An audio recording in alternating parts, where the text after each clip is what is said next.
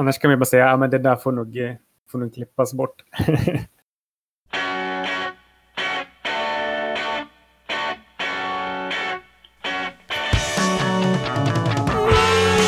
Hej! Välkommen till anarkist.info podcast. Vi är en plattform för anarkistiska idéer och samtal. Ibland styr vi upp egna samtal, ibland tar vi in föreläsning eller annat material utifrån och vi publicerar material på oregelbunden basis. Om du vill bidra eller ge oss respons så hör gärna av dig till kontakt anarkism.info eller skriv till oss på Facebook. Nu börjar podden!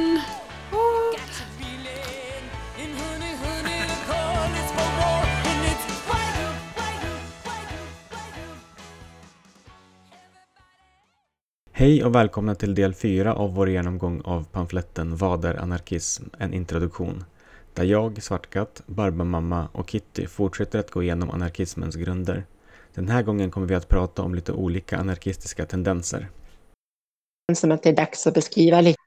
Um, jag tänkte be Svartkatt berätta lite om anarkokommunism. Mm -hmm. Ja, precis. Anarkokommunism. Det är för att knyta an till det vi sa om historia så kom ju anarkokommunismen eh, in lite grann i slutet av och kanske efter att första internationalen föll ihop.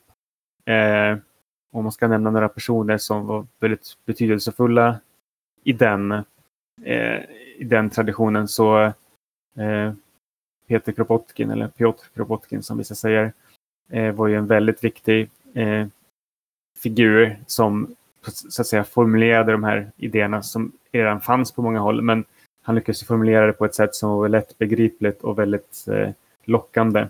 Eh, han fångade liksom upp något som redan höll på att hända lite grann inom den anarkistiska rörelsen eh, när den gick mot en eh, slags, i stor utsträckning en eh, kommunistisk anarkism.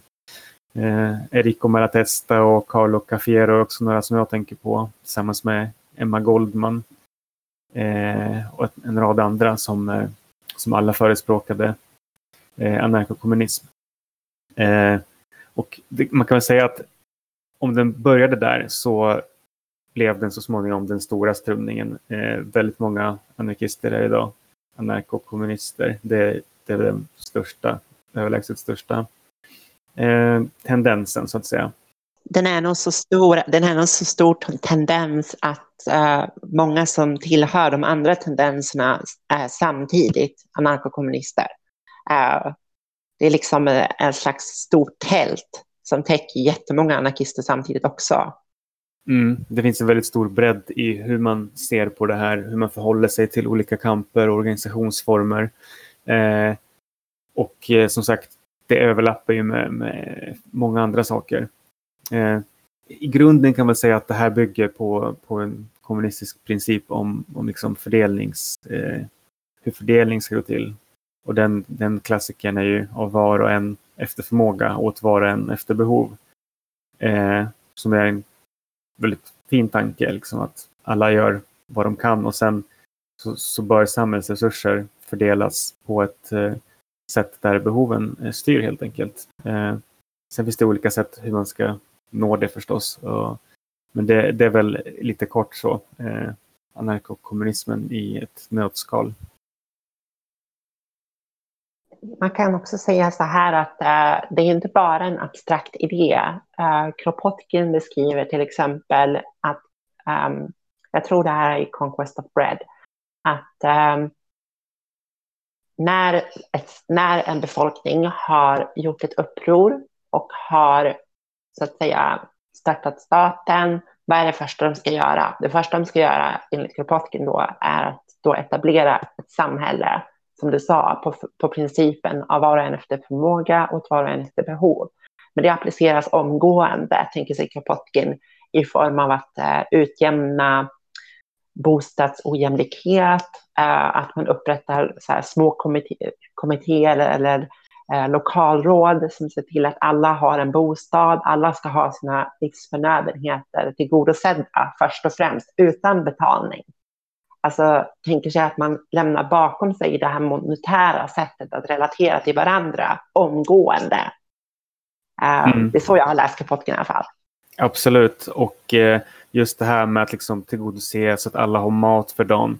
Eh, att annars, annars eh, det andra är nästan meningslöst. Eh, det, är ju, det, är ju ett, det trycker han ju väldigt hårt på i, i eh, sina skrifter om just eh, anarkism och kommunism. Ja, nu kan vissa tycka, ja, men vad har det här för relevans för oss? Fast för många människor i världen så är svält en realitet. Många människor i världen svälter fast de inte behöver svälta. Um, det är ett ganska kortsiktigt eh, perspektiv om man betraktar tillgång till mat som en självklarhet. Det är inte för majoriteten av mänskligheten. Nej, precis. Och även då om man tänker sig, man får ju tänka på att Kropotkin skriver det här i ett sammanhang, ett historiskt sammanhang där revolutioner sker. Det har skett saker. Eh, 1848 var ett stort revolutionsår. Pariskommunen hade varit 1871. Det hände saker och det fanns en tro på att det snart skulle hända saker igen, vilket ju visade sig stämma i princip med tanke på eh, ryska revolutionen, eh, både den 1905 och 1917.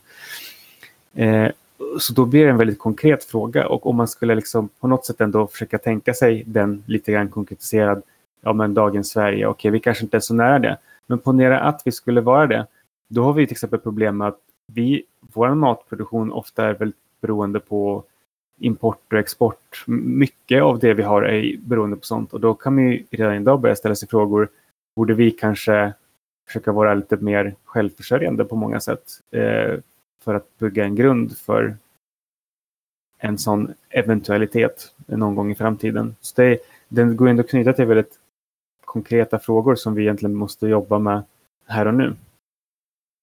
Ja, och jag tänker att väldigt få anarkister tror inte inte på någon form av kristeori. Alltså att våra övertygelser gör ju skillnad idag, men de kommer ju framför allt göra skillnad när samhället hamnar i en djup kris. Och det kan ju antingen vara att människor tappar förtroende för regeringen och staten eller att det slutar fungera bara. Det har hänt många gånger eh, att stater liksom misslyckas att upprätthålla sig själva på grund av kanske eh, ekonomiska kriser som händer med jämna och liksom det kommer då och då. Eller ekologiska kriser. Mm. Precis. Det, det är ofta en, eh, en aspekt i det. Att det vi kommer nog prata om det eh, under en egen punkt också som jag tror har flickat in i agendan. Mm. Men, eh, men det är precis, det är viktigt att påpeka att det, det är ofta inte ute efter en mall som de här sakerna sker, utan ofta helt oväntat, ibland helt tvärtom emot det sätt eller på det ställe som, som folk hade förutsett. Eh, då får man försöka ha en ganska öppen inställning till, eh, till det där. En kort grej man kan säga om anarkokommunister är att många som är i alla fall uttalade anarkokommunister, eh, många har uttalade organisationer i den här gruppen hittar man till exempel plattformister som ofta har uttalade organisationer med en anarkokommunistisk liksom, plattform som de propagerar för. Så att de tror att det är viktigt att liksom, sprida den här, det här perspektivet i arbetarrörelsen. Ja, precis. Och eh, jag tror faktiskt inte vi har eh, det är en sån, det är ju en liten nisch, eh, men jag tror inte vi har med plattformismen. Men om vi ska prata om den separat eller ta upp den här under vi kan, prata om, vi kan prata om, om den när vi pratar om individualanarkism. Så vi kan jämföra de två. Det är väldigt bra utgångspunkt liksom, mm. för att förstå båda. Ja, vi tar den eh, efter eller före i individualanarkismen. Så så får vi den inhägnad också för att, eh, eller in, får vi med den också helt enkelt. För att eh, den, ändå är, den är ganska relevant för, i nutiden. Många eh, intressanta grupper använder sig av den faktiskt. Eh, men ska vi eh, gå vidare och säga någonting om eh, anarkosyndikalism? Mm. Vi är ju syndikalister så vi borde ju vara experter på det här ämnet. Ja, alltså jag skulle kortfattat förklara narkosyndikalism som inriktningen av anarkister som tror att syndikalistisk organisering, det kan vi förklara lite senare, syndikalistisk organisering i stor skala, i stor skala är ett liksom optimalt verktyg för att kunna skapa ett anarkistiskt samhälle. Att det är värt att lägga ner energin på att bygga Eh, permanenta organisationer som överlever generationer, som kan växa och mobilisera arbetare eh, och kämpa en frihetlig socialistisk riktning. Att det är det bästa sättet man kan liksom, köra anarkism på. Mm. Precis. Eh, även där finns det ju lite olika nyanser och tendenser. Men man kan säga, ja precis, en radikal revolutionär facklig självorganisering. Eh, i kanske lite bredare bemärkelse än vad man tänker sig en traditionell facklig förening. Att man är engagerad i fler kamper än den direkt på arbetet. Också i olika utsträckning mellan olika historiska och teoretiska strömningar. Eh, kan man säga mer? Det, anarkosyndikalismen är också som sagt ett teoretiskt och praktiskt organisationsverktyg. Eh, det ju, finns inte riktigt en slags anarkosyndikalism i sig själv i den mån att man kanske inte pratar så ofta om ett anarkosyndikalistiskt samhälle. Eh, utan många anarkosyndikalister är just anarkokommunister också och kan vara massa annat. Eh, sen är det förstås så att vilka strukturer en tänker sig och skapar kommer ju ha en inverkan på hur saker kommer att se ut längre fram. Så det, det är inte helt betydelselöst. Eh, men det är inte en slags heltäckande eh, vision utan mer ett praktiskt verktyg som då kan sammanföras med till exempel anarkokommunism eh, till en större helhet.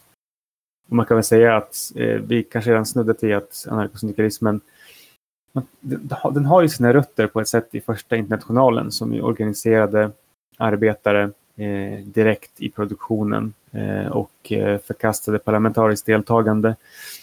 Eh, och sen genom eh, Frankrike på 1880-talet där eh, arbetarbörser som arbetarna tilläts driva en slags självförvaltade arbetsförmedlingar nästan eh, i ett skede sammanfördes med ganska radikal facklig organisering eh, till vad som blev eh, den första anarkosyndikalistiska, eh, eller den, den, var kanske mer eh, uttalat syndikalistisk men med tydliga anarkistiska tendenser. Eh, en slags eh, facklig organisation av, eh, av den typen. Eh, och sen fick ju anarkosyndikalismen stora genombrott i Spanien eh, där Bakunins idéer populariserades och eh, passade som handen i handsken för, för arbetarna och blev deras, en av deras stora organiseringsformer där då eh, anarkosyndikalistiska facket CNT fram till 30-talet var eh, väldigt starkt och inblandat i både insurrektionella eh, moment och eh, sen i en ren, rent inbördeskrig och en eh, social revolution. Och det har också funnits anarkosyndikalistiska idéer och tendenser i Nord och Sydamerika, i Asien, i Sydafrika tror jag och på en rad andra ställen. Har vi något mer vi kan säga om eh, just anarkosyndikalism? Jo, jag kanske kan tillfoga att även där finns det ändå lite olika tendenser. Man kan ju stöta på anarkosyndikalister som är väldigt noga med att just eh, delta i och skapa eh, strikt anarkosyndikalistiska fackföreningar och eh, fullt medvetna om att det kommer vara en minoritetsgrupp. Och man menar då att eh, den här specifika men samtidigt syndikalistiska eh, organiseringen eh, har fördelar och att det är värt att, eh, att göra det och att inte tumma på det. Eh, för att man föredrar, man, det skulle väl från den tendensens håll kallas att gå på kvalitet istället för kvantitet i sin organisering. du, har ju, du har ju spanska inbördeskriget som ett bra exempel, att, att det inte räcker att ha en jättestor syndikalistisk fackförening. Du måste ha annat också. Och mm. Även om det fanns anarkister som var jättepådrivande så kunde andra tendenser sluka upp de anarkistiska efter ett tag. Mm. Ja, absolut. Det fanns eh, bety betydande problem där eh, med den organiseringen. Eh, och det, det är väl bland annat det som kanske moderna anarkosyndikalister ibland eh, pekar ut. Eh, att det är otillräckligt. Eh, och mot det ställs väl en annan strömning som är kanske mer jag tycker att de radikala fackföreningarna de ska hålla sig till vissa principer för att helt enkelt fungera som radikala fackföreningar. Men att de ska vara i alla avseenden opolitiska, inklusive mm. anarkismen. och där finns det ett spann. Anarkosyndikalister kan propagera för och vara med i olika. Så du, du har anarkosyndikalister som är med i anarkosyndikalistiska federationer men du kan också ha anarkosyndikalister i eh, fackföreningar som inte är explicit anarkistiska som eh, IWW eller SOC i federationen SOC så är ju inte alla eh, lokal samorganisationer anarkosyndikalistiska och hur mycket det betyder att det är inskrivet i stadgarna, det behöver inte stämma överens så mycket med praktiken heller. Eh, det finns mycket gråzoner där. Jag tänker att en sak man kan säga om narkosyndikalism som är ganska, alltså en styrka är att det finns en slags plan också. Om man, äh, klassiska syndikalistiska författare äh, pratar om en generalstrejk och äh, att liksom man kan säga att det långsiktiga syndikalistiska arbetet och syftar att växa och radikalisera arbetare och att man deltar i klasskampen aktivt mot borgarna tills en punkt där man kan göra en generalstrejk och ta över hela samhället. Och då är, tar liksom facket, kollektiva organiseringen av arbetare ersätter styrningen av borgarklassen som för tillfället råder över produktionsmedlen. Mm.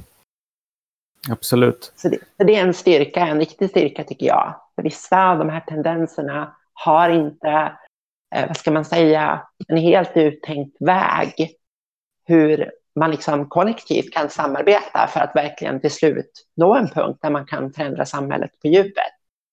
Nej, precis. Eh, man kan ju säga att eh, anarkosyndikalismen skyggar inte för det här att både teoretisera och försöka praktisera någonting som den anser sig kunna bli samhällsbärande eh, funktioner och samhällsbärande organisering på ett sätt som vissa tendenser kanske, vissa tendenser kanske bara är ett sätt att sätta extra fokus på vissa frågor men inte riktigt besvarar den här kanske ändå ganska viktiga, i praktiken inte minst, eh, försöken att bli samhällsbärande, liksom, att, att ta makten på mm. ett sätt som inte är auktoritärt och hierarkiskt.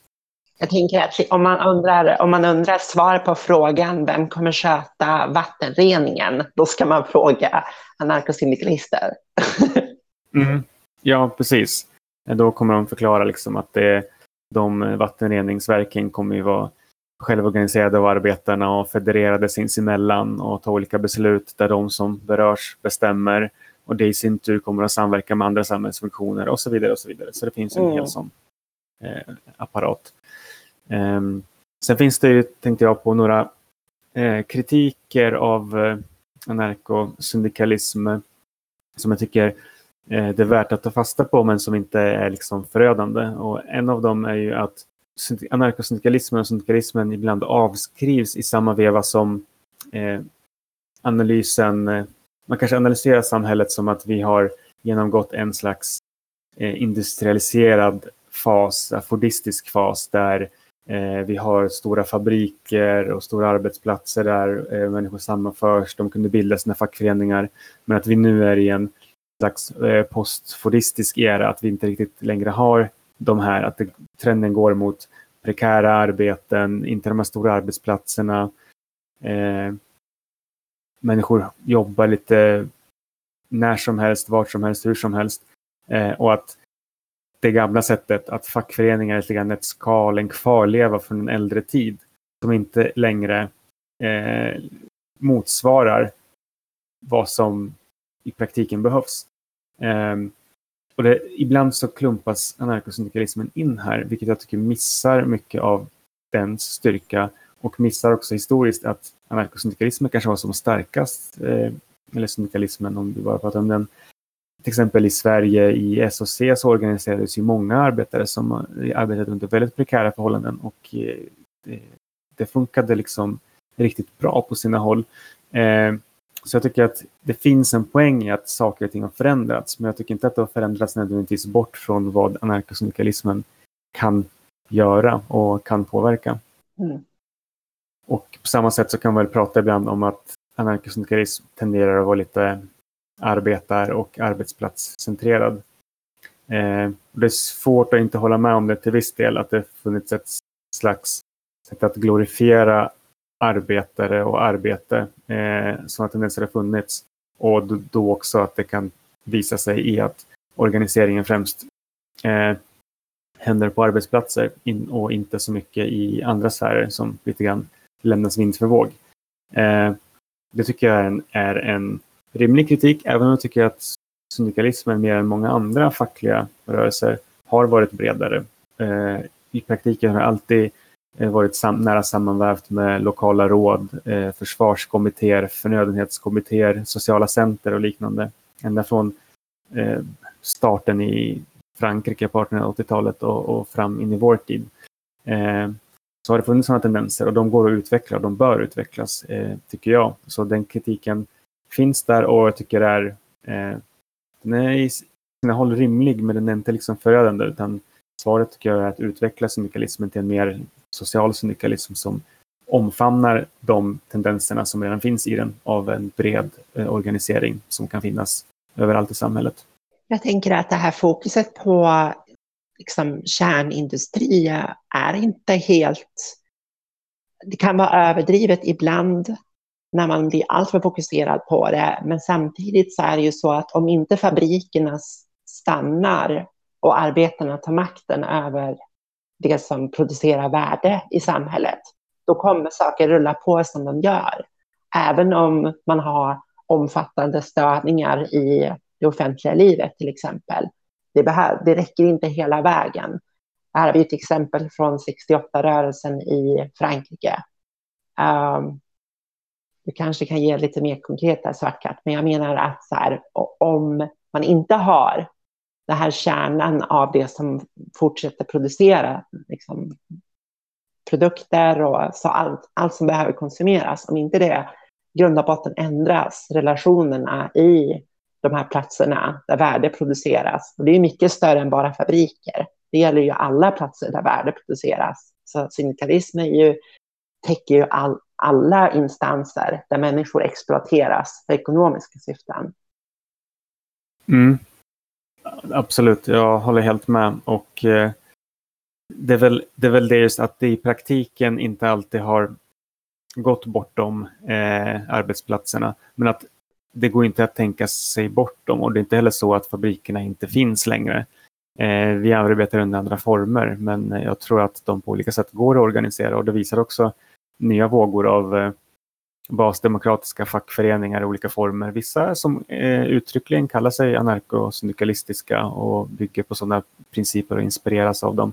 Eh, andra som, eh, som utgår från andra eh, teoretiska grunder men, men utövar ungefär samma, samma slags funktion. De är samma slags verktyg för folk eh, i deras kamp för liksom, sin situation i arbetslivet. Ehm, så det går ju, det går ju liksom att hamna snett både och, både underfokusera och överfokusera och det är väl att bredda och försöka liksom få med allting. Eh, också lite ut efter förutsättningarna. För i Sverige kan vi inte säga att SOC engagerar sig jättemycket i eh, frågor som hamnar utanför tradition, det traditionellt fackliga. Medan eh, i till exempel IWW i Nordamerika så har ju de här eh, fackföreningarna också försvarskommittéer som jobbar jättemycket med eh, liksom samhällsorganisering på en gräsrotsnivå. Eh, och det här händer också på andra ställen. Liksom att även eh, vissa stora fackföreningar i Storbritannien eh, organiserar folk, pensionärer, sjukskrivna, arbetslösa och folk utanför eh, arbetsplatserna. Och att det här kan ibland funka som ett superbra komplement. Då, då kan de grupperna ibland göra saker som kanske arbetare som riskerar att få sparken inte kan göra. och, och vice versa. Så att det finns, eh, det finns mycket att vinna på att försöka främja och förstärka de tendenserna. Mm. Ska vi prata lite grann om eh, grön anarkism? Mm. Det tycker jag. Ska vi...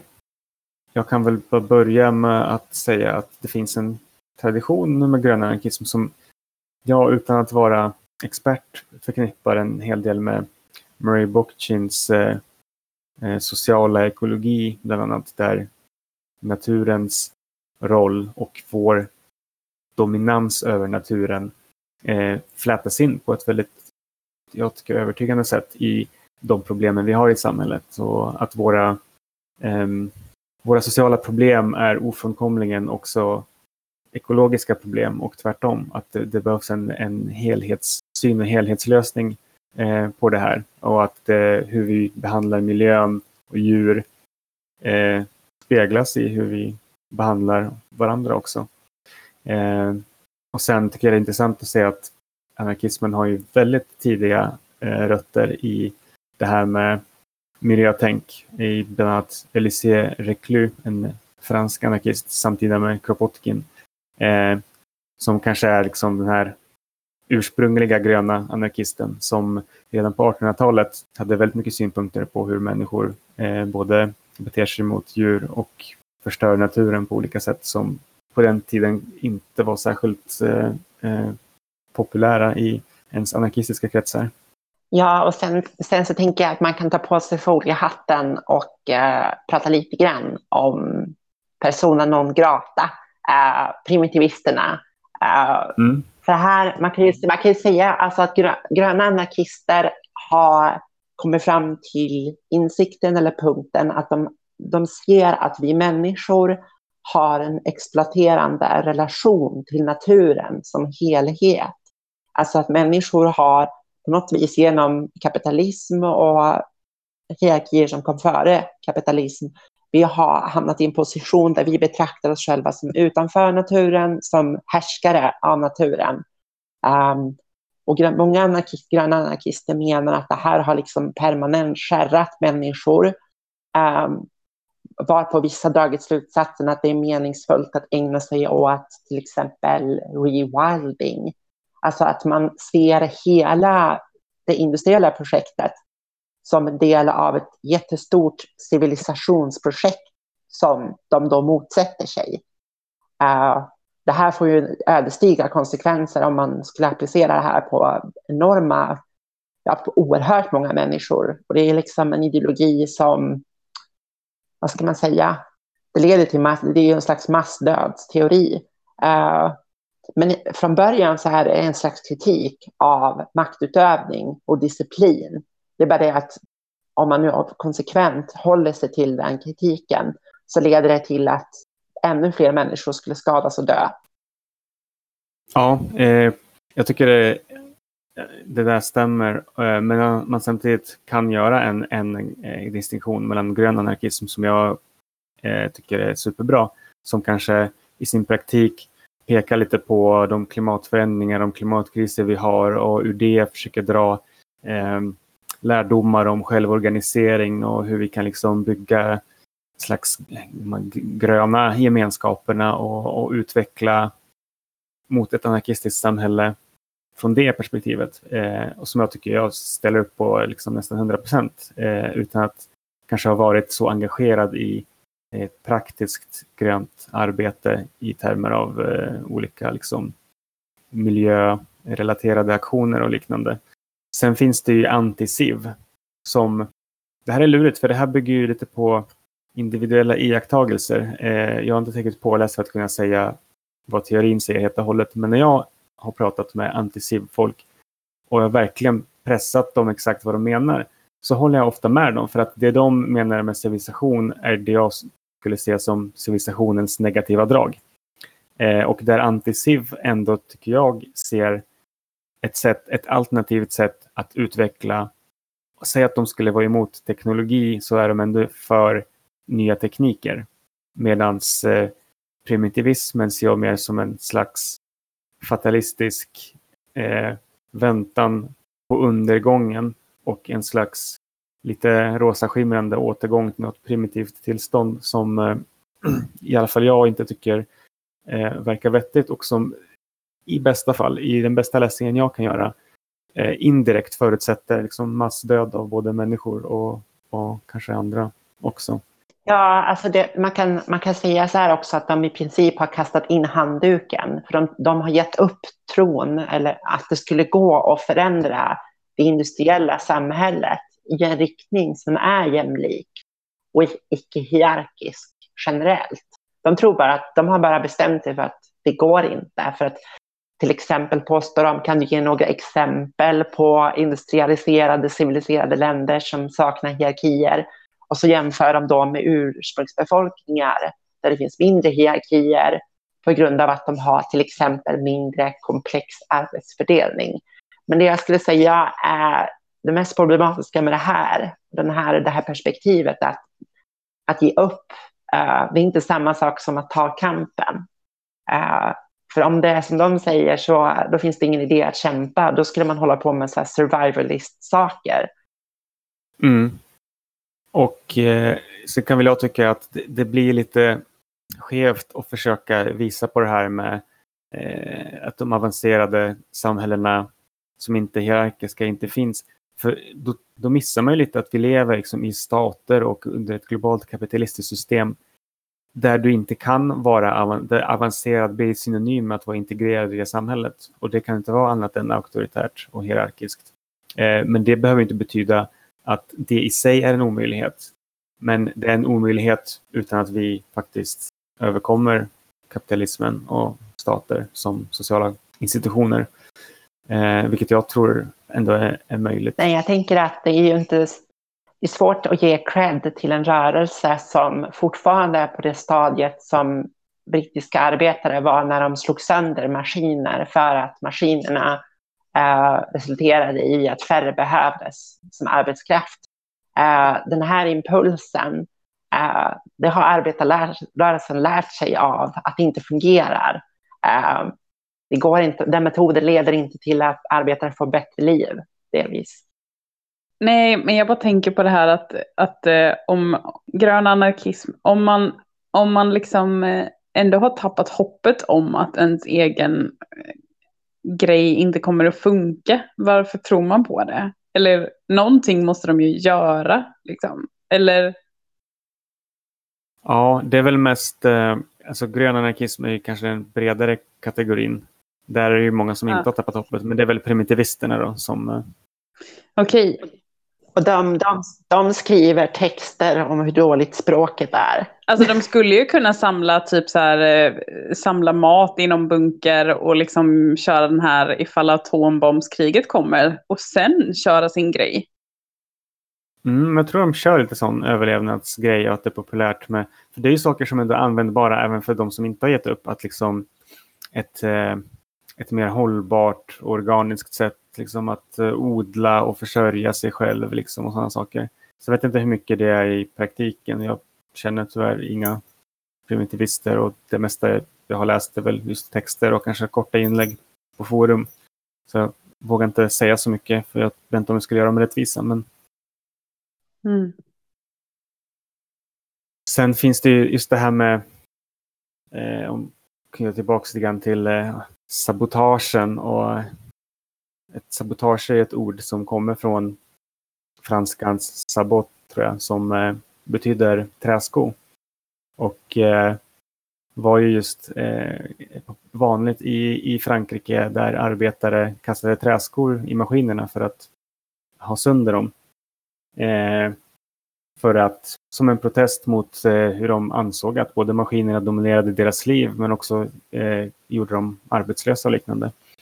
Eh, det här har ju förstås drag av primitivism, men jag tycker att det också har drag av en ganska sund, kanske antisiv eller grön anarkism och helt enkelt en eh, arbetskritisk inställning.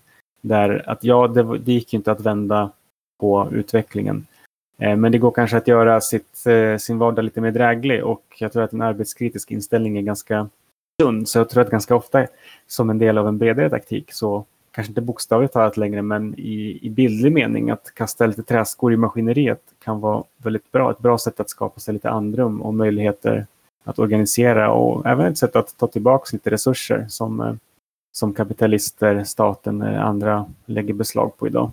Vad jag syftar på mest där är att uh, om man tänker sig en fabrik med arbetare som, bygg, som gör skor. Um, det här med att maskinerna uh, håller fast dem och så vidare. Det bygger ju på att de sociala relationerna runt, runt maskinerna binder dem där. Skulle arbetarna ha makten över maskinerna, då skulle arbetarna kunna producera mycket fler skor för att täcka folks behov, men samtidigt jobba mindre. Så i princip arbetskritik förutsätter att du har eh, tekniken för att minimera arbete. Och den har vi ju idag. Liksom. Absolut, det finns ju, arbetskritiken är ju inte teknologifientlig.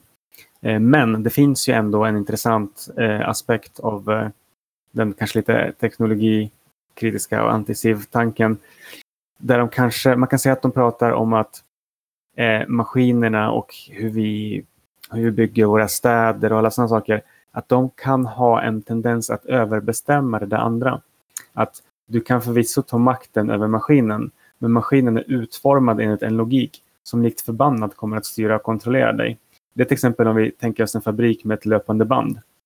Att arbetarna tar över den förändrar ju inte faktumet att det kommer att vara jäkligt stressigt att arbeta enligt den liksom rent fysiska och tekniska layout och logik som det där eh, löper kring.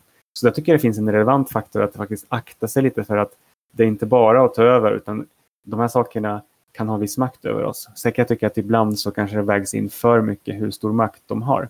Men att det finns en sån, eh, att liksom du, du, kan bli slav under liksom maskinens inneboende liksom auktoritära eller hierarkiska sätt att fungera. Det, det ligger något i det, även om jag kanske inte skulle dra det så långt som, som många tenderar att göra. Så är det ändå en intressant sak att ta upp. Mm. Mm.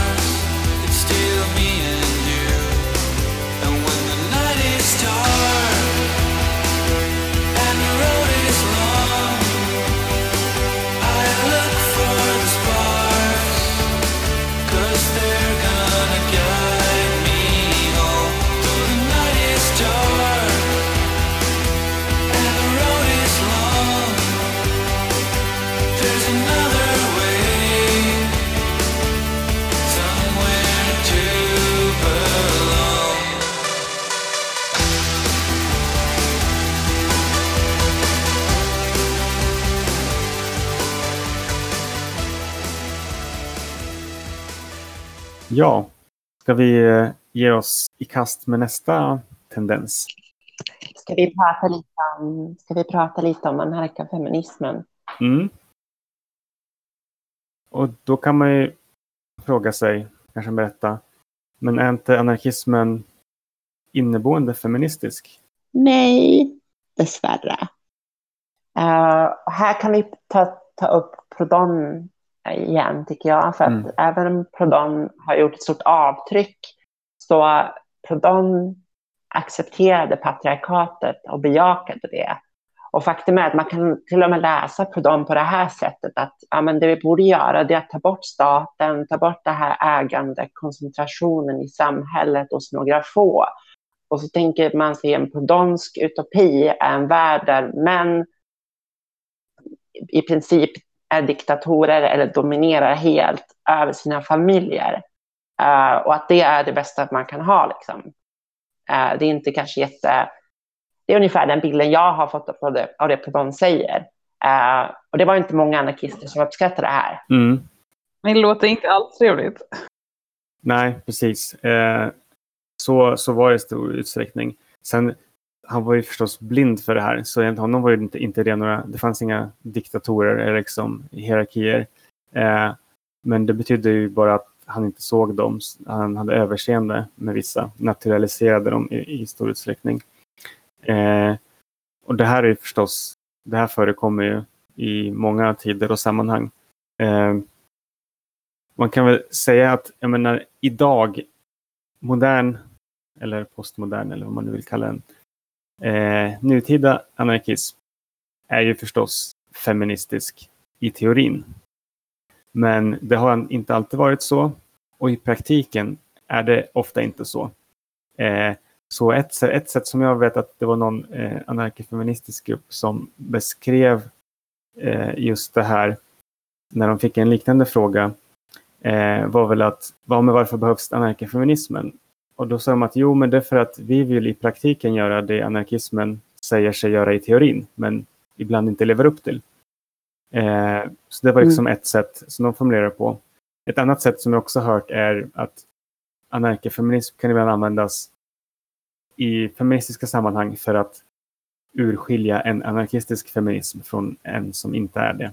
Eh, det vill säga en feminism som knyter an eh, patriarkatet och eh, Eh, den liksom sociala norm vi har kring cis-normen eh, och mansnormen eh, till en kritik av staten, vilket ju väldigt få andra teorier gör med samma djup.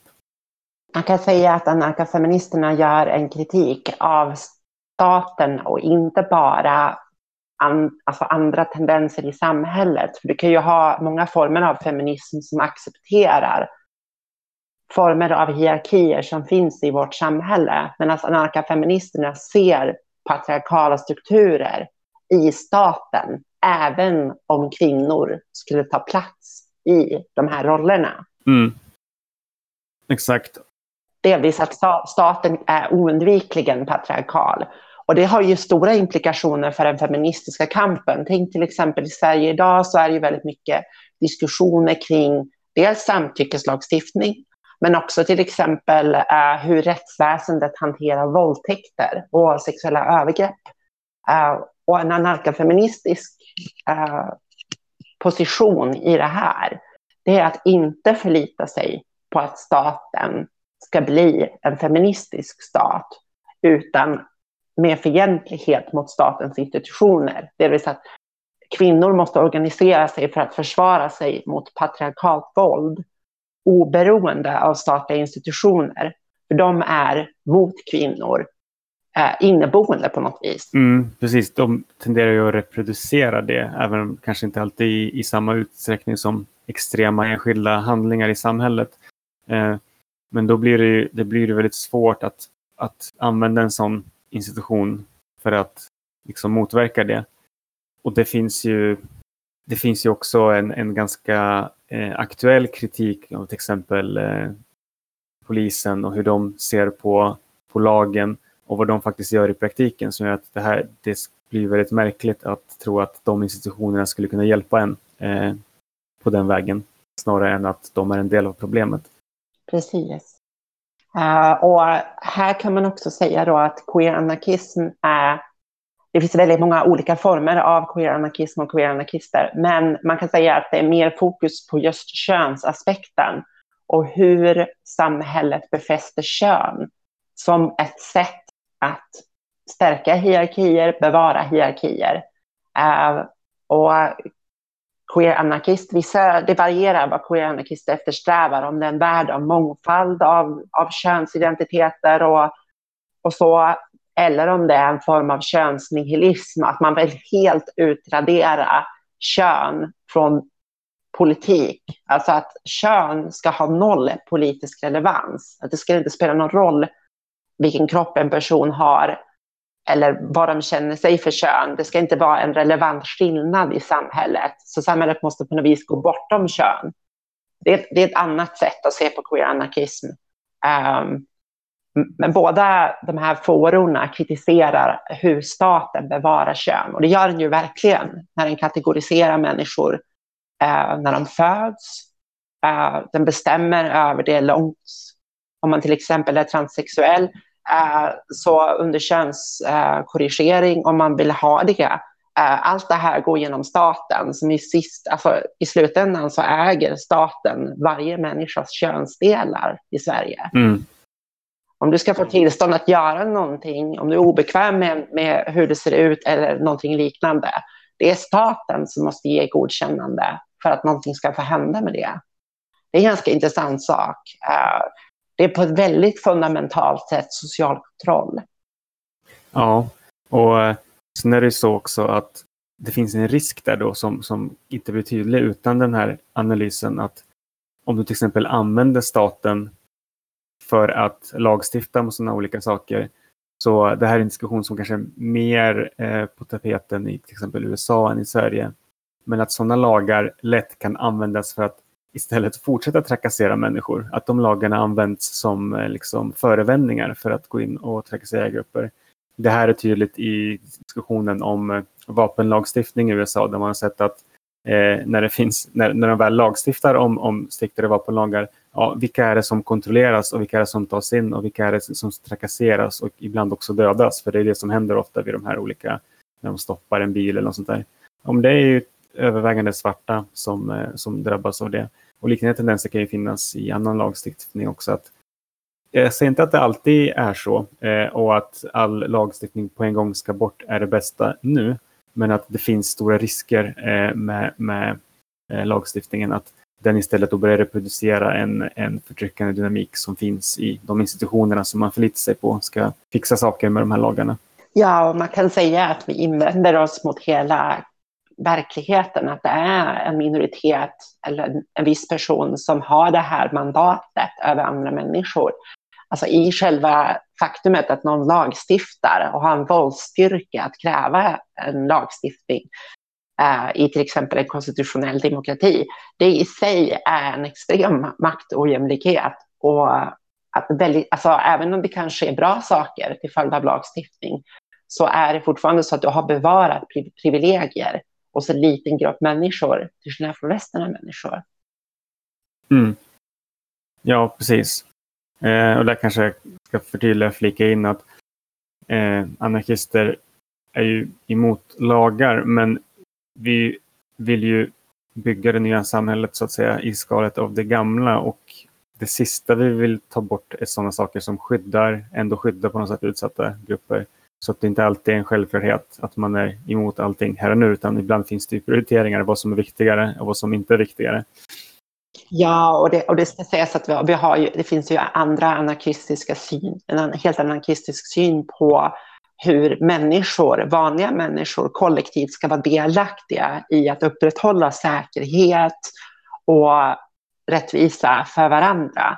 Uh, nu är ju något, rättsväsendet någonting som är väldigt åtskilt vanliga människor. Men i vårt så att säga, utopiska samhälle så kommer ju människor vara konkret delaktiga i det här på ett mm. mycket mer konkret sätt än idag. Det kommer inte vara en våldsminoritet som upprätthåller, som skyddar människor från antisociala personer till exempel, utan det kommer vara allmänheten på ett annat sätt. Mm. Och en mycket mer dynamisk process också, att det inte är skrivet i sten utan det blir mer eh, successivt och mer anpassningsbart efter unika situationer. Vi är fortfarande på queer anarkism nu, eller det här var bara en liten utläggning om ja, om lagar, äh, ja. på tal om det här med hur staten förfogar. Ja, ja precis. Det är egentligen både anarkafeminism och queer-anarkism. Eh, och där, där kan vi ju säga också, nu har vi pratat mycket om staten, och det är väl det som skiljer ut de här tendenserna från annan, kanske liksom socialistisk eh, feminism och så vidare. Men eh, anarkafeminism är förstås lika kritiskt till, mot liberala liksom, synsätt eh, på feminismen som helt accepterar kapitalistiska sociala relationer. Så det, är, det ska man ju förtydliga också. Mm. Men då kanske vi ändå är klara där och går vidare lite. Absolut. Då har vi kommit till mutualism då, som är den eh, teoribildning och praktik som eh, Pierre-Joseph Proudhon eh, utvecklade i, eh, på 1800-talet. Och eh, i ett nötskal kan man väl säga att det är en teori och praktik som är inriktad på att bygga strukturer som främjar en slags eh, gyllene regel om ömsesidigt jämlika sociala relationer. Att du ska behandla andra som du själv vill bli behandlad. Eller då om strukturer som gör så att det här blir något som alla tjänar på. Eh, något som jag skulle kunna flika in direkt här att ofta om folk vet vad mutualism är så tenderar de att tro att det är någon slags eh, marknadsbaserad eh, anarkism, alltså marknadssocialism. Eh, men det är inte helt sant. Eh, den är inte så marknadscentrerad, speciellt i sin franska tappning, mer så i sin nordamerikanska. Men mutualismen förutsätter inte marknader i någon form. Men den utesluter inte heller att det skulle kunna förekomma aspekter av marknader i ett postkapitalistiskt samhälle. Så den är liksom egentligen lite agnostisk inför det här, eh, vilket ibland misstolkas. Eh, och det här uttrycksformerna för det här är kanske oftast att eh, eh, man har ett fokus på att bygga kooperativ, eh, försöka få till så många kooperativ som möjligt och instifta mutualistiska, det vill säga typ räntefria, räntefria och självkontrollerade banker, eller i princip kreditkooperativ. Och så försöka äta upp den kapitalistiska ekonomin inifrån. Och den strategin kan man ju i efterhand från Proudhons tid se att den var otillräcklig på många sätt. Mm. Precis. Eh, efter en måttstock så kan vi säga att allt har varit otillräckligt. Allt från eh, utopiska byar ute i skogen till kooperativ till revolutioner för att inget har liksom det mesta åtminstone i bästa fall fallit tillbaks i, eh, i kapitalistiska och hierarkiska strukturer.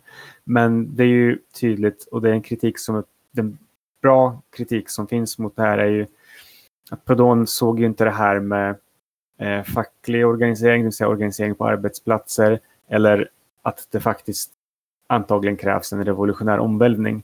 Det var inte jättecentralt i eh, eh, revolutionär omvälvning kanske i och för sig, ja, beroende på hur man tolkar det, men han trodde väl mer att den skulle komma på ett ganska fridfullt sätt och underskattade väl en del krafter som satte käppar i hjulet för det här.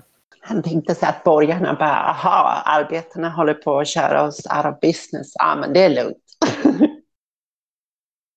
ja, samtidigt så var han ju med i en ganska skakig tid i, i Frankrikes historia, så det, han förstod nog att eh, han blev desillusionerad med, med institutionerna själva, men trodde att det skulle gå att, eh, att lösa på ett ganska fredligt sätt.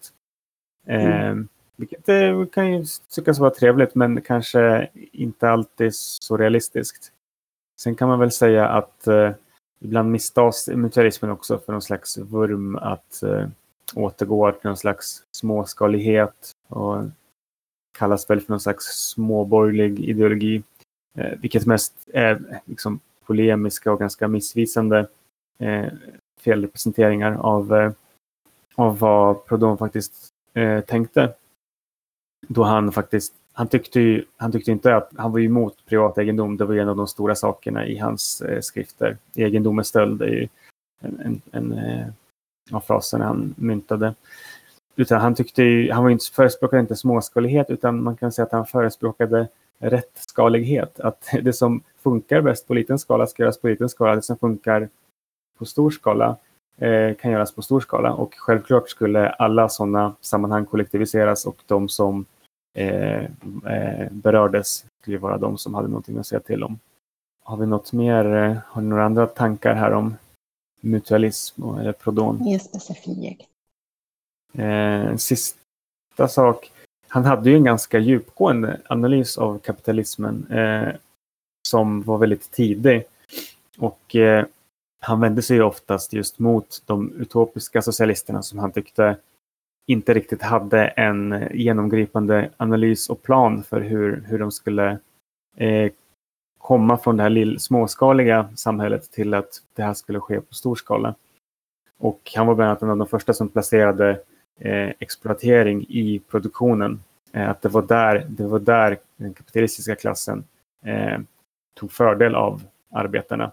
Eh, det här kan kännas självklart idag, men, men på 1800-talet var det inte speciellt eh, väl välförstått. Eh, och eh, trots att Marx nog själv inte gärna ville erkänna det så mycket så inspirerades han en del av eh, Proudhon och en del saker som han förlöjligade Proudhon för i början. Eh, Proudhon var ju äldre för mig och Marx hade knappt kommit igång med sitt teoribygge eh, när de två så att säga tampades lite. Men en del av de sakerna så införlivade ju Marx sen i sina, eh, sina teorier. Så där finns det en slags kontinuitet och korsbefruktning som är gått lite grann sen mellan anarkism och, eh, och marxism. Och det kan vara intressant att bara snabbt nämna eh, ett centralt begrepp där som eh, han kallar för kollektiv kraft. Eh, den identifierar att eh, tillsammans så har vi en kraft som vi inte har var för sig. Att vi tillsammans kan göra vissa saker eh, som är omöjliga på egen hand. Att bygga en bro och sånt är nästan otänkbart för en person, men eh, massor av personer kan gå samman och göra det här. Och eh, det var i den här kollektiva kraften, det resultatet av den kollektiva kraften, som man också identifierade den kapitalistiska exploateringen. Att det, är, det här är någonting som vi inte får tillgodogöra oss, utan det är sånt som i stort sett kapitalisten eh, tillgodogör sig. Eh, och det här var en, en, ganska central del i, i hans analys, just hur den här kollektiva kraften fungerar och också om dynamiken mellan individen och det kollektiva som man skulle kunna ha ett helt filosofiskt eh, avsnitt om, men som kanske bara räcker att nämna här. Ja, jag tänker att vi kommer ju definitivt beröra det när alltså, jämför individualanarkism och plattformister lite grann. Um, mm. Just det här relationen mellan det individuella och det kollektiva. Um, för man skulle kunna säga att det, som, det finns en stor bredd av individualanarkism. Den ena fåran är lite det som nämndes förut kring mutualism. Uh, och andra sidan är andra typer av grupper som organiserat sig Eh, som inte haft till exempel en mutualistisk övertygelse. Många av dem har till exempel varit kommunister. Men hur de har kämpat uh, är väl det som kanske primärt gör dem till individualanarkister. Um, ehm, för om vi ska jämföra vad en individualanarkist gör till skillnad från en plattformist, uh, kan du nämna något kort om plattformisterna? Svartkatt? Ja, eh, precis. Eh, du, nu, nu, hoppar vi till individualanarkismen här då och eh, kontrasterar den och kanske mot exempelvis eh, plattformism. Eh, och plattformismen är ju en idéströmning som utmynnade efter eh, som upplevdes då som ett misslyckande för anarkistisk organisering i ryska revolutionen. Eh, då bland annat Nestor Makhno och ett gäng andra eh, anarkister som hade varit inblandade i revolutionen eh, som från exil eh, teoretiserade om det här. Och det bygger ju på att eh, skapa specifika anarkistiska organisationer om en slags eh, eh, frivillig disciplin, eh, om ett kollektivt ansvar för vad gruppen gör och att på ett betydligt mer koordinerat och samordnat sätt eh, bedriva liksom, förändringsarbete och politik i de här specifika grupperna. Ja, och individualanarkister kan man hitta. Jag tycker att det bästa exemplet på det är den insurrektionella miljön i Grekland. Och här knyter vi an både det som kallas insurrektionell anarkism och individualanarkism. För en fåra av anarkism kan man säga i Västeuropa och södra Europa Eh, har primärt inriktat sig på att bygga massorganisationer med legitimitet så att man kan delta i det offentliga samtalet, man kan värva medlemmar, man kan eh, vara väldigt utåtagerande och uttalad som anarkist. Medan den andra miljön ägnar sig primärt åt aktiviteter som inte kan vara offentliga. Delvis det är väldigt hårt fokus på aktioner. Eh, permanens är någonting som ses med skepsis. Eh, man tänker sig att eh, ofta har man en annan historiesyn Medan man tänker sig kanske mer långsiktigt och deterministiskt i de här bredare kollektivistiska traditionerna eh, går att kontrastera med de här individualisternas betoning av att ta makt över sitt liv här och nu eh, och kämpa konkret i sin vardag, vart det än är. Men framförallt hitta andra likasinnade som är lika fientligt inställda till de makter som förtrycker dem i sin vardag. Uh, så i Grekland och Italien så har det funnits många sådana här grupper och de blev framförallt st stora där för att de hade auktoritära regeringar som helt förhindrade de här mer offentliga organisationerna att finnas. Mm, det där är jätteintressant. Och det, jag kan ju tycka lite så att när jag läser en del, eh, ja kanske inte nödvändigtvis plattformistisk, men sån organisationsanarkistisk eh, kritik av individualanarkism, så tänker jag ja, men det där låter rätt så vettigt. Och sen så läser jag någon individualanarkistisk kritik av liksom så stagnerande organisering och, och alla sådana saker. Jag tänker ja, men det där, det där låter också ganska vettigt. Och det är intressant att det finns, det verkar definitivt finnas en aspekt av att handla lite beroende på vad förhållandena tillåter. Och sen kan det förstås lite grann spåra ur att det, det blir en slags ideologi och görs för sin egen skull istället för att eh, göra det på grund av att det är det bästa för förhållandena. Men det finns ändå en sån aspekt tycker jag, liksom att eh, jag kan se att båda inriktningar har liksom sina fördelar. Mm. Jag tänker att den individualistiska grenen, det kan ju uttrycka sig på väldigt många olika sätt beroende på omständigheterna. Men det centrala är att fokuset inte ligger på en så kallad stor berättelse. För man kan säga att Kropotkin med sin anarkokommunism har en väldigt stor berättelse om naturen och människans plats i den och, och så vidare. Uh, och det gäller mm. även grön anarkism. Det är väldigt mycket så här, ja men vi och naturen, uh, det är väldigt abstrakta saker. Uh, det här är någonting som individualanarkister brukar vara skeptiska emot på grund av att många är influerade av författaren Max Sterner som pratade mycket om abstraktionernas makt i vår vardag hur auktoritet och makt inte bara tar plats omkring oss utan även inom oss när vi så att säga med, med nutida, nutida språk där vi internaliserar saker. Och de här sakerna tar kontroll över oss och hindrar oss. Um, men det betyder inte att man inte kan vara kommunist om man är individualanarkist. Skillnaden är bara hur du är kommunist, så att säga. Mm, ja, det var bra, bra formulerat. Eh, ska vi passa på då att säga någonting om typ egoism och Stirner också? För det känns som att å ena sidan är det en så här internetmem. Å andra sidan så är det också väldigt missförstått. Ja, jag tänker att egoism är helt enkelt ställningstagandet att de här um, abstrakta moraliska sanningarna inte är en tillräcklig grund för politik. Och vad det innebär då till exempel att man kan vara egoist och anarkist, men det kommer inte vara för att du anser att anarkism är rätt, att det är moraliskt legitimt, att det är den bästa ideologin, typ, utan det kommer att vara anarkist för att det är ditt egen intresse. Uh, och hos uh, Sterner, som var egoist, uh, så betyder då det här jaget inte riktigt typ ett fast jag, utan mer att vi människor är sociala varelser. Vi har ett eh, kreativt flöde konstant så länge vi lever. Och det här hindras av de här abstraktionerna, lagarna och hierarkierna.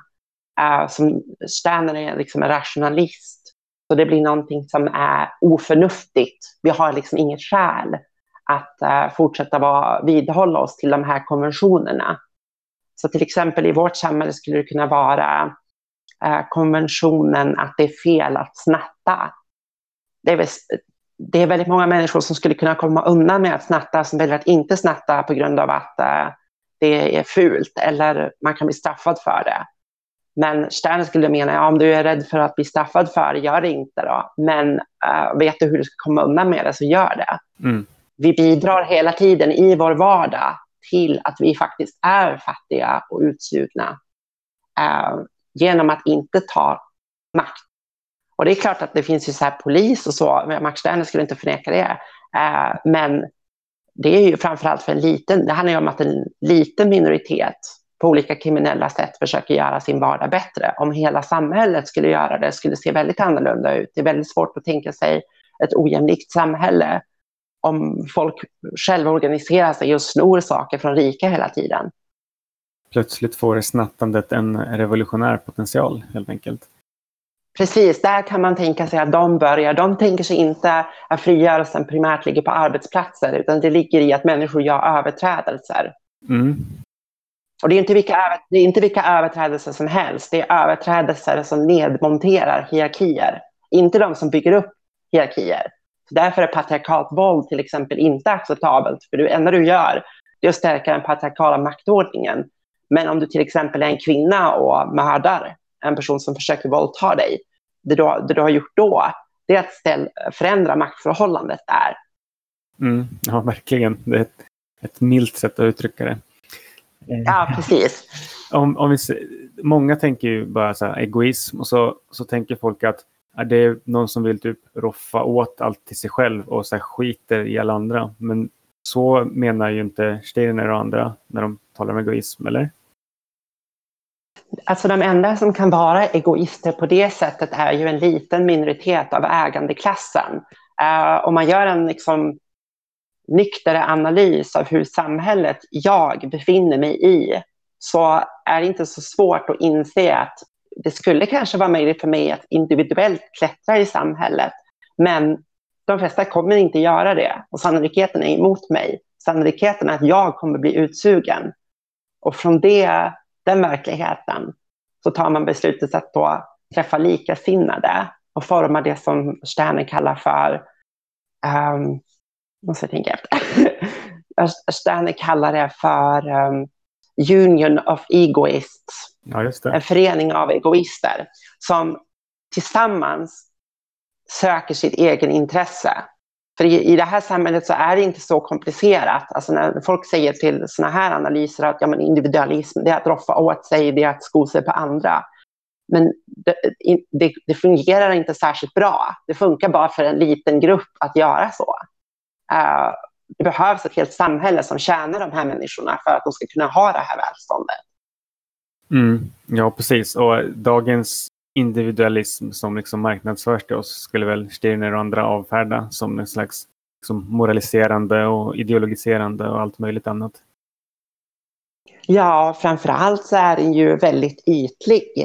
När det, när det talas om självuttryck, självuttryck existerar ju inte i, en kons, i ett konsumtionssamhälle.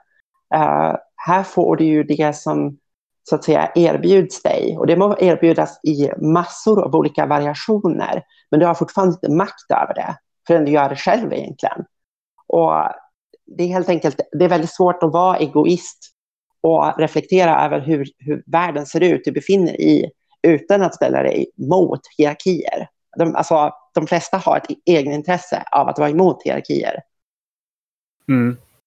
Och så kan man väl säga att den här typen av egoism är ju liksom inte, den står inte i motsats till, nu beror det lite på hur man definierar uttrycket, men ja, man kanske inte ska säga altruism, men att till exempel dela med sig av saker till, till andra, om det gör dig glad, vilket ja, av egen erfarenhet säger jag att det väldigt ofta gör, då är det en form av egoism också. Absolut. Uh, och det, Max Sterner skrev mycket om det här, just det här med glädjen i att samverka med andra människor. Och det här är ju ett oundvikligt, vad ska man säga, det är bara så det är för majoriteten av människor. Det finns ju få undantag som är verkligen starkt antisocialt lagda. Uh, men det är ju inte de flesta människor, annars skulle ju samhället sluta fungera omgående. Mm. Och det är ju inte så att säga borgerlig moral som håller tillbaka människor från att förstöra för varandra. Det kan man se i katastrofscenarion till exempel, att människor stöttar varandra för att vi har ett egenintresse av att ha en sån samvaro med varandra helt enkelt. Mm. En slags eh, katastrofegoism helt enkelt. Precis. eh, känns som att vi har gjort, gjort, gjort upp med ganska många eh, bild, nidbilder eller fel karaktäriseringar. Jag tänker en, en, grej som, en till grej som är viktig att säga är att just något som är vanligt för de här insurrektionella uh, som just fokuserar sig på upplopp kan man säga, eller att instigera det som eventuellt kanske skulle kunna bli en revolution. Det de delar med individualanarkister det är att man ofta tror på cellgrupper snarare än organisationer. Men det måste inget nödvändigt att man är antingen eller. Mm. Okej, okay. eh, jag har inte så mycket mer att tillägga där tror jag. Eh, om eh, vi känner oss klara så jag, jag har skrivit upp en, eh, en till här medan vi höll på att prata. Och det, om vi lite kort skulle nämna eh, post-left post anarkism. Eh, knyter ju an till mycket vi redan pratat om, men det märker vi att allt knyter an till allt annat. Eh, ska vi hoppa och bara se om vi kan säga något kort om, om det också? Mm.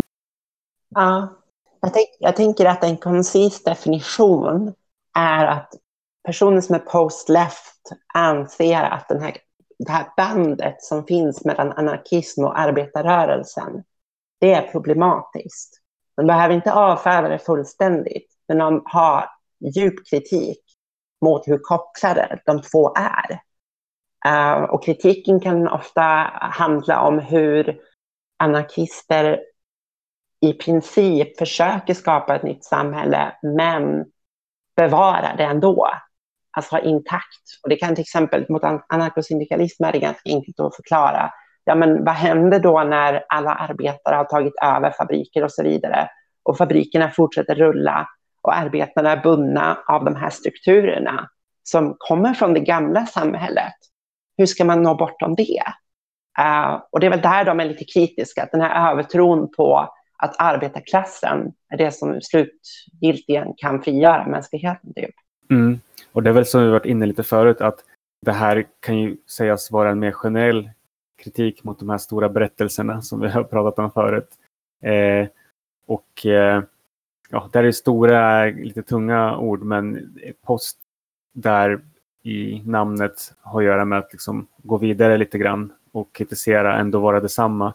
Men också från liksom poststrukturalism och postmodernism och sådana premisser som just handlar om att dekonstruera och att eh, ja, dekonstruera de, de, stora berättelserna och kanske ställa frågor och kritisera och sticka hål på de här grejerna.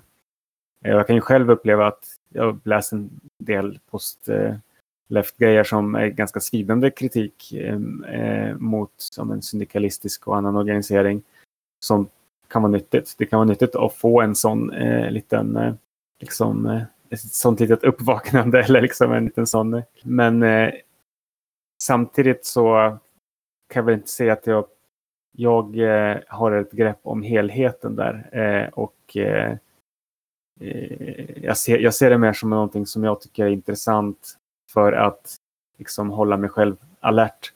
Eh, och ibland så kan jag till och med säga att det går igen i typ saker som Rudolf Rocker skrev på 30-talet, det vill säga en eh, tysk anarkosyndikalist. När han kritiserar eh, den dåvarande fackföreningsrörelsen och byråkratiseringar och sånt, då låter han ju fruktansvärt postleft. Eh, och det kanske kan sägas då att det det räcker inte med att kritisera. Det är ju också vad man implementerar istället som kommer göra skillnad. Och att man kan aldrig lägga den kritiken på hyllan utan det måste hela tiden återuppstå och gå till angrepp igen. Liksom. Och det, det ser jag som. Liksom, det, jag ser inte mig själv som postleft. Eh, men jag tycker det är en intressant strömning som jag tycker det är liksom det jag tar med mig från den. Att ständigt liksom vara på sin vakt. Mm. Ja, jag har fluktuerat lite grann. Uh, jag tror att så här, uh, jag tror att jag fortfarande sympat jag sympatiserar med vissa delar av vad det, de står för, uh, men inte andra saker. Uh, jag tycker att så här, det finns något, um, jag tror att det är väldigt viktigt att uh, på något vis gå bortom de befintliga berättelserna för att anknyta till människor. Jag tror att till exempel den här berättelsen som anarkosyndikalister berättar, jag tror att det genuint kan vara så att många inte känner igen sig i tanken om det här industriella kollektivet eller så. Uh, och framför allt så anknyter det inte till människor som lever i vad man kan kalla för drastiskt utanförskap. För det är en grupp som, eller ja, det finns ju det klassiska begreppet proletariatet, men också det som kallas för trasproletariatet. Och anarkister har möjlighet att nå ut till väldigt många olika människor med olika sociala situationer. Varför detta superfokus på arbetare? Vad är det som säger att ett jättestort fokus på människor som eh, till exempel eh, lever i, under kriminella förhållanden, att det inte också kan leda till eh, stor kamp och stor social förändring? Mm. Och det där är intressant för att eh, det här var ju någonting som Bakunin på 1800-talet var väldigt noga med. Jag vet att inom sina skrifter så eh, det som eh, många andra, eh, bland annat marxister, avfärdade som trasproletariat som var liksom de var ju oförmögna att egentligen, de hade ju ingen större revolutionär potential. Medan Bakunin kallade dem för proletariatets blomma. Eh, och såg dem som, liksom, som en eh, stor källa till liksom, eh, omvälvande eh, förändringar. Eh, så det, en, sån, en sån tendens har ju alltid funnits, men, men Postlift är väl en, knyter an till den och försöker att pusha den. För den har ju inte alltid bevarats på ett bra sätt, utan det har ju funnits väldigt lite inskränkta, kanske liksom arbetaristiska och spår som, som, som begränsar sig själva lite för mycket. Och eh, mm sen så finns det väl också en, eh, en sak som jag tänker på med jargongen. Och det här med hur många fortfarande använder en jargong och en, liksom, en symbolik som den är ganska gammal. Och jag menar, funkar det ibland att köra med, komma med sina fanor och prata om liksom, proletariatet och det här Ja, det kanske har sin plats, men, men det kan också nästan bli komiskt i vissa sammanhang när det känns som att det är så bortlångt från människors verklighet. Så hur förväntar du att de överhuvudtaget ska kunna knyta an? Och ofta så är det inte bara så att det är en jargong, utan jargongen hänger ihop med liksom praktik. Och det, den eh, kan ofta vara lite problematisk och det kan vara lite befriande ibland att bara, bara agera och vara lite mer som en, som en vanlig människa, inte som någon tagen från en historiebok. Mm. Ja, men det var en bra sammanfattning. Ja, ska vi, det här var den sista eh, tendensen. Vi har säkert missat en del grejer, men vi har ändå gått lite grann mer på djupet än jag trodde på en hel del grejer. Ja, men det gick ju bra. Ja, det tycker jag. Det här var ju trevligt. Vi får nog tacka för oss för den här gången. Tack och hej! Tack kamrater.